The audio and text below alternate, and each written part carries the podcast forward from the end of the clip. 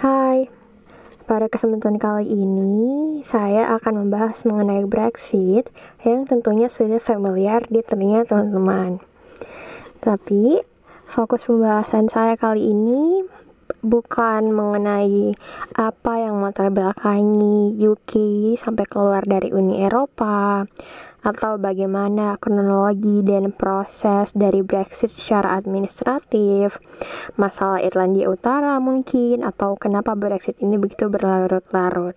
Tetapi saya akan fokus pada dampak Brexit terhadap London sebagai global financial center.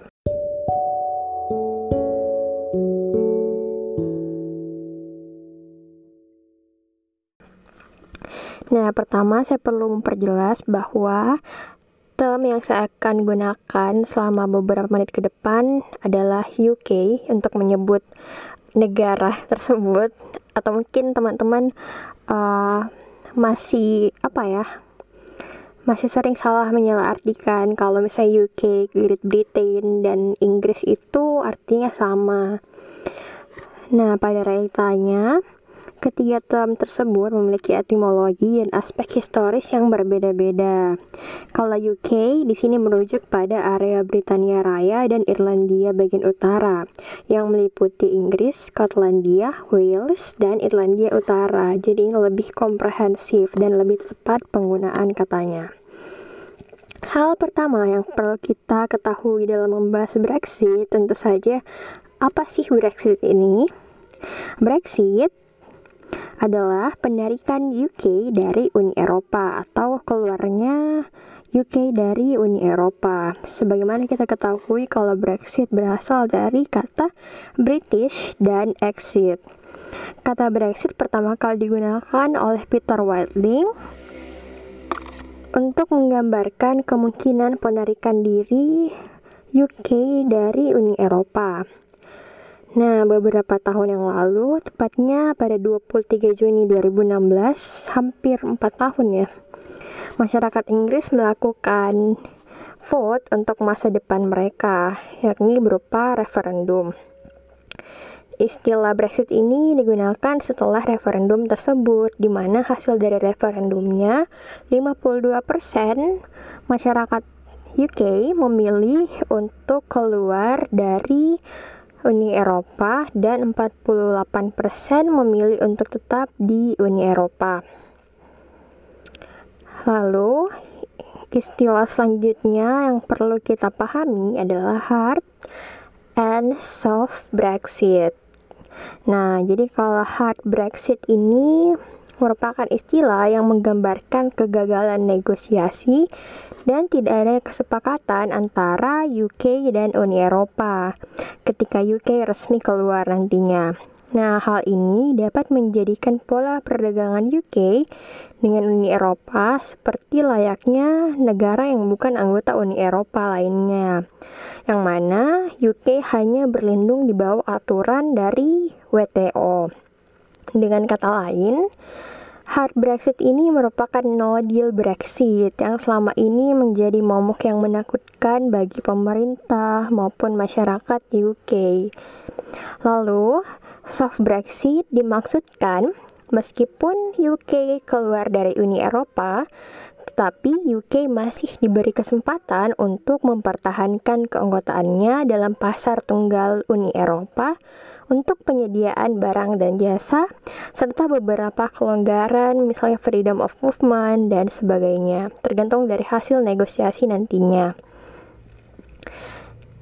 Nah, jadi jelas bahwa perbedaan hard and soft Brexit ini merujuk pada apa hasil kesepakatan nantinya ketika UK resmi keluar dari Uni Eropa. Saat ini kan masih masa transisi ya. Nah, Kenapa saya kemudian ingin membahas mengenai apa dampak Brexit terhadap London sebagai global financial center? Karena menurut The Eurobarometer, Eurobarometer ini merupakan penelitian uh, uh, atau semacam survei yang dilakukan oleh Parlemen Eropa, di mana hasilnya itu mayoritas negara-negara, mayoritas masyarakat dari negara-negara Eropa tidak begitu tertarik pada kebijakan birokratik, tetapi mereka lebih peduli pada bisnis, perdagangan, dan ekonomi. Nah, untuk UK sendiri, selama 47 tahun keanggotaannya di Uni Eropa, UK telah membangun posisi yang kuat di pasar Uni Eropa di sejumlah bidang strategis, misalnya finansial, jasa, bisnis, hukum, regulasi, sertifikasi, dan lain-lain. Per perekonomian global juga terkait erat dengan London. Namun, eksistensi Brexit justru menjadi ancaman bagi pengaruh London dalam konstelasi global sebagai financial capital yang membuat kita bertanya-tanya apakah London ini tetap dapat mempertahankan posisinya dalam sistem moneter internasional ataukah dia juga akan goyah karena adanya Brexit ini. Nah, terlebih lagi London tercatat sebagai salah satu finansial sebagai salah satu pusat finansial global terbesar di dunia setelah New York. Dengan adanya Brexit, kemungkinan besar UK tidak akan menjadi bagian dari pasar tunggal Uni Eropa lagi. Nah, akibatnya bank-bank yang berbasis di UK tidak akan lagi diperlakukan secara ekuivalen atau setara dengan bank-bank Eropa lainnya. Ini tentunya memunculkan ketidakpastian di tengah Brexit. Jadi muncul beberapa proyeksi mengenai apa saja dampak dari Brexit, utamanya terhadap uh, utamanya dampak terhadap UK yang kerap bermunculan spekulasi-spekulasinya. Konsensus luas di antara para ekonom adalah bahwa Brexit kemungkinan akan membahayakan ekonomi UK dan mengurangi pendapatan real per kapita uh, dalam jangka panjang. Dampak Brexit kembali lagi tergantung pada seberapa dekat UK akan terikat pada Uni Eropa atau pada bentuk konkret hubungan mereka yang dibangun setelah Brexit. Misalnya setelah uh, resmi keluar dari Uni Eropa, UK dapat memilih perjanjian gaya Norwegia mungkin dan bergabung dengan wilayah ekonomi Eropa yang memiliki akses penuh terhadap pasar tunggal. Nah, untuk efek Brexit ini sendiri dalam jangka pendek, secara umum dalam perekonomian terungkap bahwa UK akan mengalami kerugian tahunan, kemudian menurunnya nilai mata uang pound sterling, lalu juga uh, bisa jadi meningkatkan inflasi. Nah, banyak pakar riset ekonomi dunia yang beranggapan bahwa keluarnya UK dari Uni Eropa ini akan memiliki efek terhadap perekonomian UK dan diprediksi bahwa Brexit ini akan mengurangi pendapatan real per kapita dalam jangka menengah dan panjang bagi perekonomian UK. Nah, selain itu, salah satu sektor yang paling banyak dibahas adalah industri keuangan atau finansial karena beberapa alasan. Tentunya Brexit ini telah membahayakan status London sebagai pusat keuangan global yang cukup mendominasi. Keunggulan kompetitif Inggris di bidang jasa keuangan saat ini kan sangat besar ya dan sulit untuk dihilangkan. Tetapi Brexit dapat merusak daya tarik London sebagai pusat perbankan Eropa, sebagai titik masuk ke Uni Eropa dan sebagai pusat keuangan global. Nah, foreign direct investment atau investasi asing langsung juga beresiko di sini.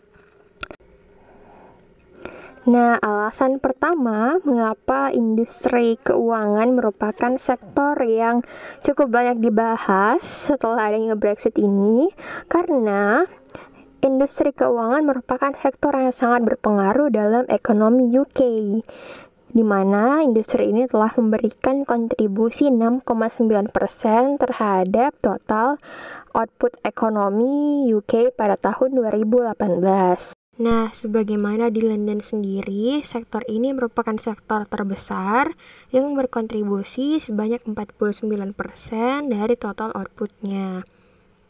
Secara umum, memang sih industri jasa yang menyumbang paling banyak ke PDB UK.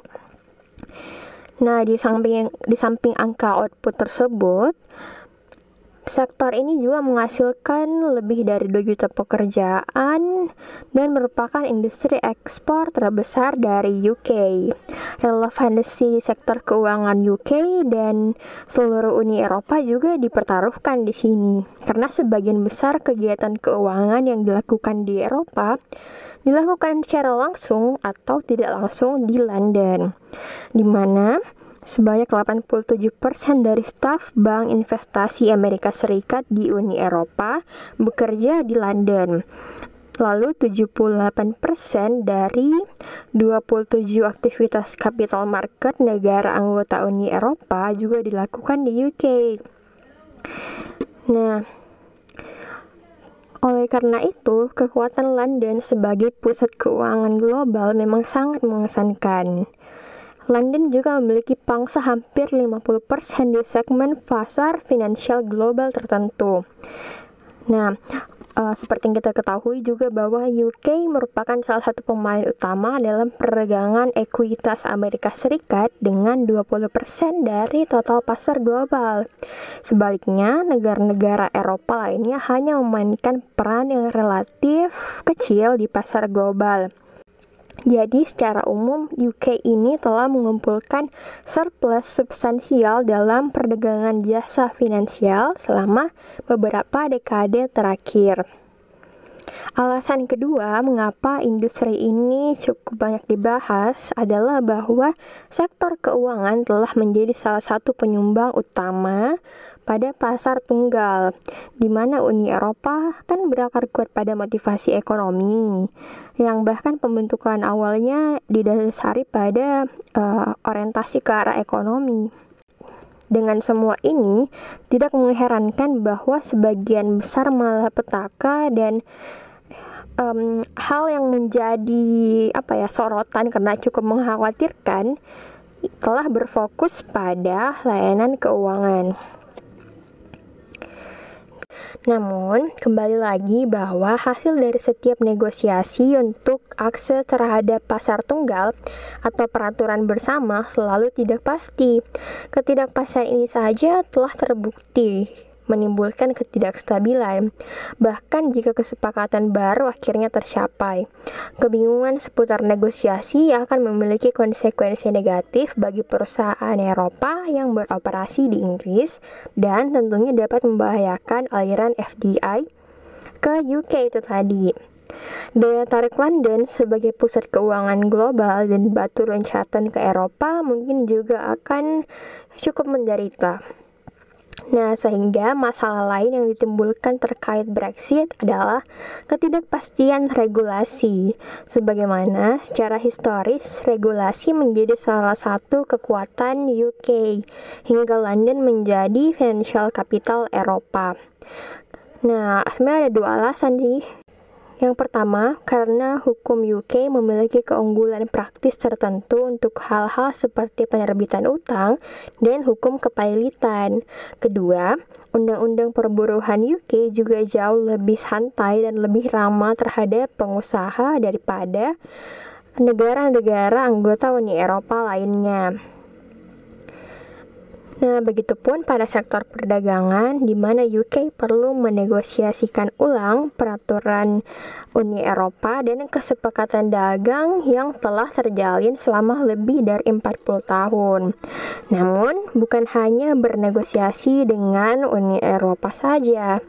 Ini jelas akan memakan banyak waktu karena mengingat bahwa UK harus menegosiasikan kembali kesepakatan dagangnya dengan semua anggota WTO, negara-negara anggota Uni Eropa lainnya, dan negara-negara yang memiliki free trade agreement dengan Uni Eropa. Dan sayangnya, banyak perusahaan jasa keuangan yang tidak mampu menunggu selama itu. Nah, Apabila skenario hard Brexit terjadi, maka hanya akan ada sepertiga saja jumlah ekspor UK yang bebas tarif. Kemudian seperempat dari ekspor UK akan dikenai tarif halangan berupa tarif dan non-tarif yang cukup tinggi dan ketat, dan sisanya akan dikenai tarif ekspor antara 1 sampai 10 persen. Angka kerugian ini kembali lagi tergantung pada hasil negosiasi.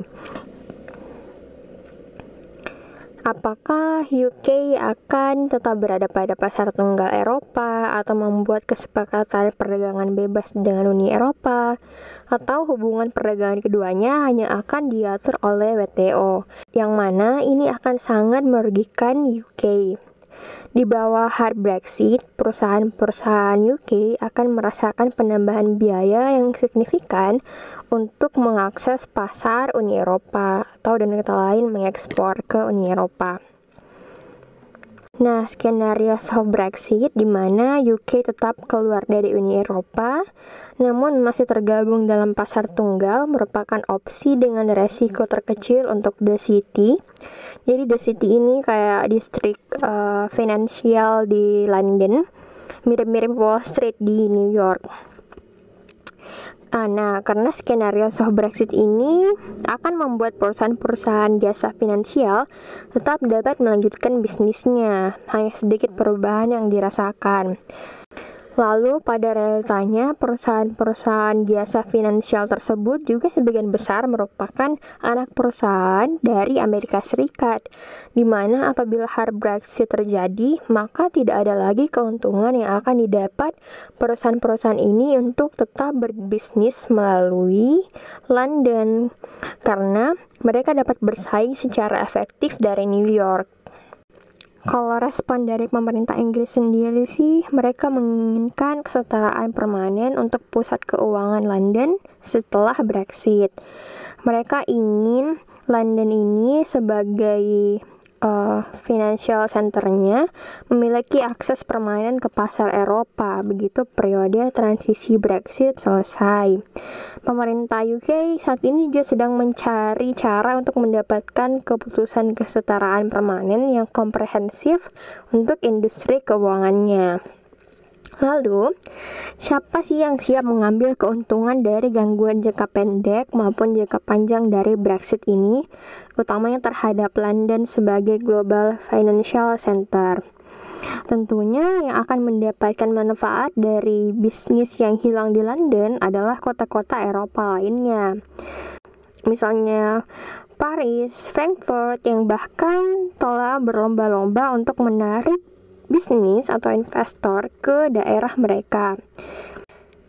Nah, akan tetapi kota mana yang akan menggantikan posisi London sebagai financial capital Eropa sebenarnya masih belum jelas. Namun, Amsterdam dan Frankfurt ini diduga paling menonjol sebagai pengganti paling menarik berdasarkan berbagai kriteria yang ada. Tetapi jika kita melihat lebih jauh lagi, New York sebagai saingan utama London yang sebetulnya akan lebih diuntungkan. Alasannya menarik, di mana Brexit yang mungkin kita pikir hanya mempengaruhi UK sebenarnya juga telah menyalakan api populisme di seluruh Eropa dan menimbulkan momok pecahnya Uni Eropa. Nah, dengan resiko-resiko ini, pasti kita berpikir bahwa lebih bijaksana untuk beralih ke New York yang lebih secure. Lalu uh, terdapat juga penerima manfaat potensial lainnya, bisa jadi di Asia, khususnya yang terkait dengan industri asuransi di Hong Kong atau Singapura. Jadi, kemungkinan besar degradasi London sebagai global financial center akan mengarah pada pasar keuangan global yang lebih terdesentralisasi dengan banyak kota mengambil bagian dari kue dalam tanda kutip yang ditinggalkan oleh London. Pada akhirnya, konsekuensi yang tidak disengaja dari Brexit dapat menjadi gelombang inovasi baru dalam industri jasa keuangan karena sejumlah pemain yang lebih luas telah mengendalikan arah dari industri ini. Dengan semua hal-hal yang dipaparkan tadi, tentunya sulit untuk tidak bersikap pesimis terhadap perekonomian UK ke depan. Tentunya apa yang telah bertahun-tahun menjadi salah satu pendorong utama pertumbuhan dan kemakmuran pasti akan terpengaruh. Ya, London mungkin tidak akan runtuh sebagai financial center, tetapi tampaknya hal yang tidak terhindarkan adalah bahwa akan ada beberapa perusahaan finansial yang akan pindah ke kota lain. Dan sayangnya setelah referendum tahun 2016 telah terjadi atau ada telah ada beberapa perusahaan yang pindah memutuskan untuk merelokasi perusahaannya di tempat lain di Eropa dan selanjutnya jumlah itu tentu akan terus meningkat. Nah, yang cukup terpengaruh di sini juga sebenarnya sih uh, mengenai pekerjaan ya, di mana diestimasikan um, sekitar 100 ribu pekerjaan di sektor finansial dapat meninggalkan UK sebagai akibat dari Brexit. Nah, mungkin juga teman-teman bertanya-tanya apakah London tetap dapat mengembalikan kejayaannya ataukah akan terus seperti itu. Pada realitanya sih sebenarnya London akan tetap menjadi pusat keuangan penting dalam keadaan tertentu karena buktinya London masih tetap survive dari tahun 1930-an di mana pada tahun 1930-an ini terjadi Great Depression atau krisis Malaysia yang berpengaruh pada seluruh dunia. Lalu mengalami dua perang dunia juga. Lalu cara apa yang bisa digunakan oleh London untuk mengembalikan kejayaannya dalam tanda kutip? Yang pertama, perombakan regulasi. Seperti yang dipaparkan tadi, UK mungkin sebenarnya dapat merombak regulasi dan menciptakan ekosistem yang lebih baik lagi bagi perusahaan finansial. Mungkin dengan menghapus batasan pembayaran, melonggarkan persyaratan modal, dan secara umum menghilangkan beban regulasi Uni Eropa dapat membantu mempertahankan dan bahkan menarik industri-industri jasa keuangan ini ke aset-aset alternatif. Lalu yang kedua dengan industri dan teknologi baru. Sementara beberapa perusahaan mungkin akan pindah ke luar negeri, meninggalkan London, industri baru akan muncul untuk menggantikan yang pergi. Warga London yang inovatif hampir pasti akan menciptakan produk baru dan mengintegrasikannya ke pasar. Brexit dapat dengan baik memberikan dorongan bahwa Bank, perusahaan asuransi, dan manajer aset perlu memikirkan kembali cara untuk melakukan sesuatu yang lebih baik, serta menciptakan sistem keuangan abad 21 yang benar-benar memanfaatkan data besar, kecerdasan buatan, dan teknologi baru lainnya. Ya, sebagaimana negosiasi perdagangan yang baru dapat dinegosiasikan. Terus supplier baru juga dapat ditemukan dan bangsa ini juga akan menemukan kembali kakinya untuk berpijak. Dan kita juga tahu bahwa UK sendiri memiliki mata uang yang cukup stabil dan ya nilainya cukup tinggi ya dan terdapat pula industri domestik yang cukup kuat utamanya pada industri finansial yang tentunya akan tetap dapat berdiri setelah Brexit ya setelah melewati beberapa guncangan. Seperti itu. Terima kasih sudah mendengarkan selama beberapa menit. Saya harap podcast ini dapat bermanfaat bagi teman-teman sekalian dan saya juga terbuka untuk ruang diskusi. Terima kasih sekali lagi. Mohon maaf jika ada salah kata.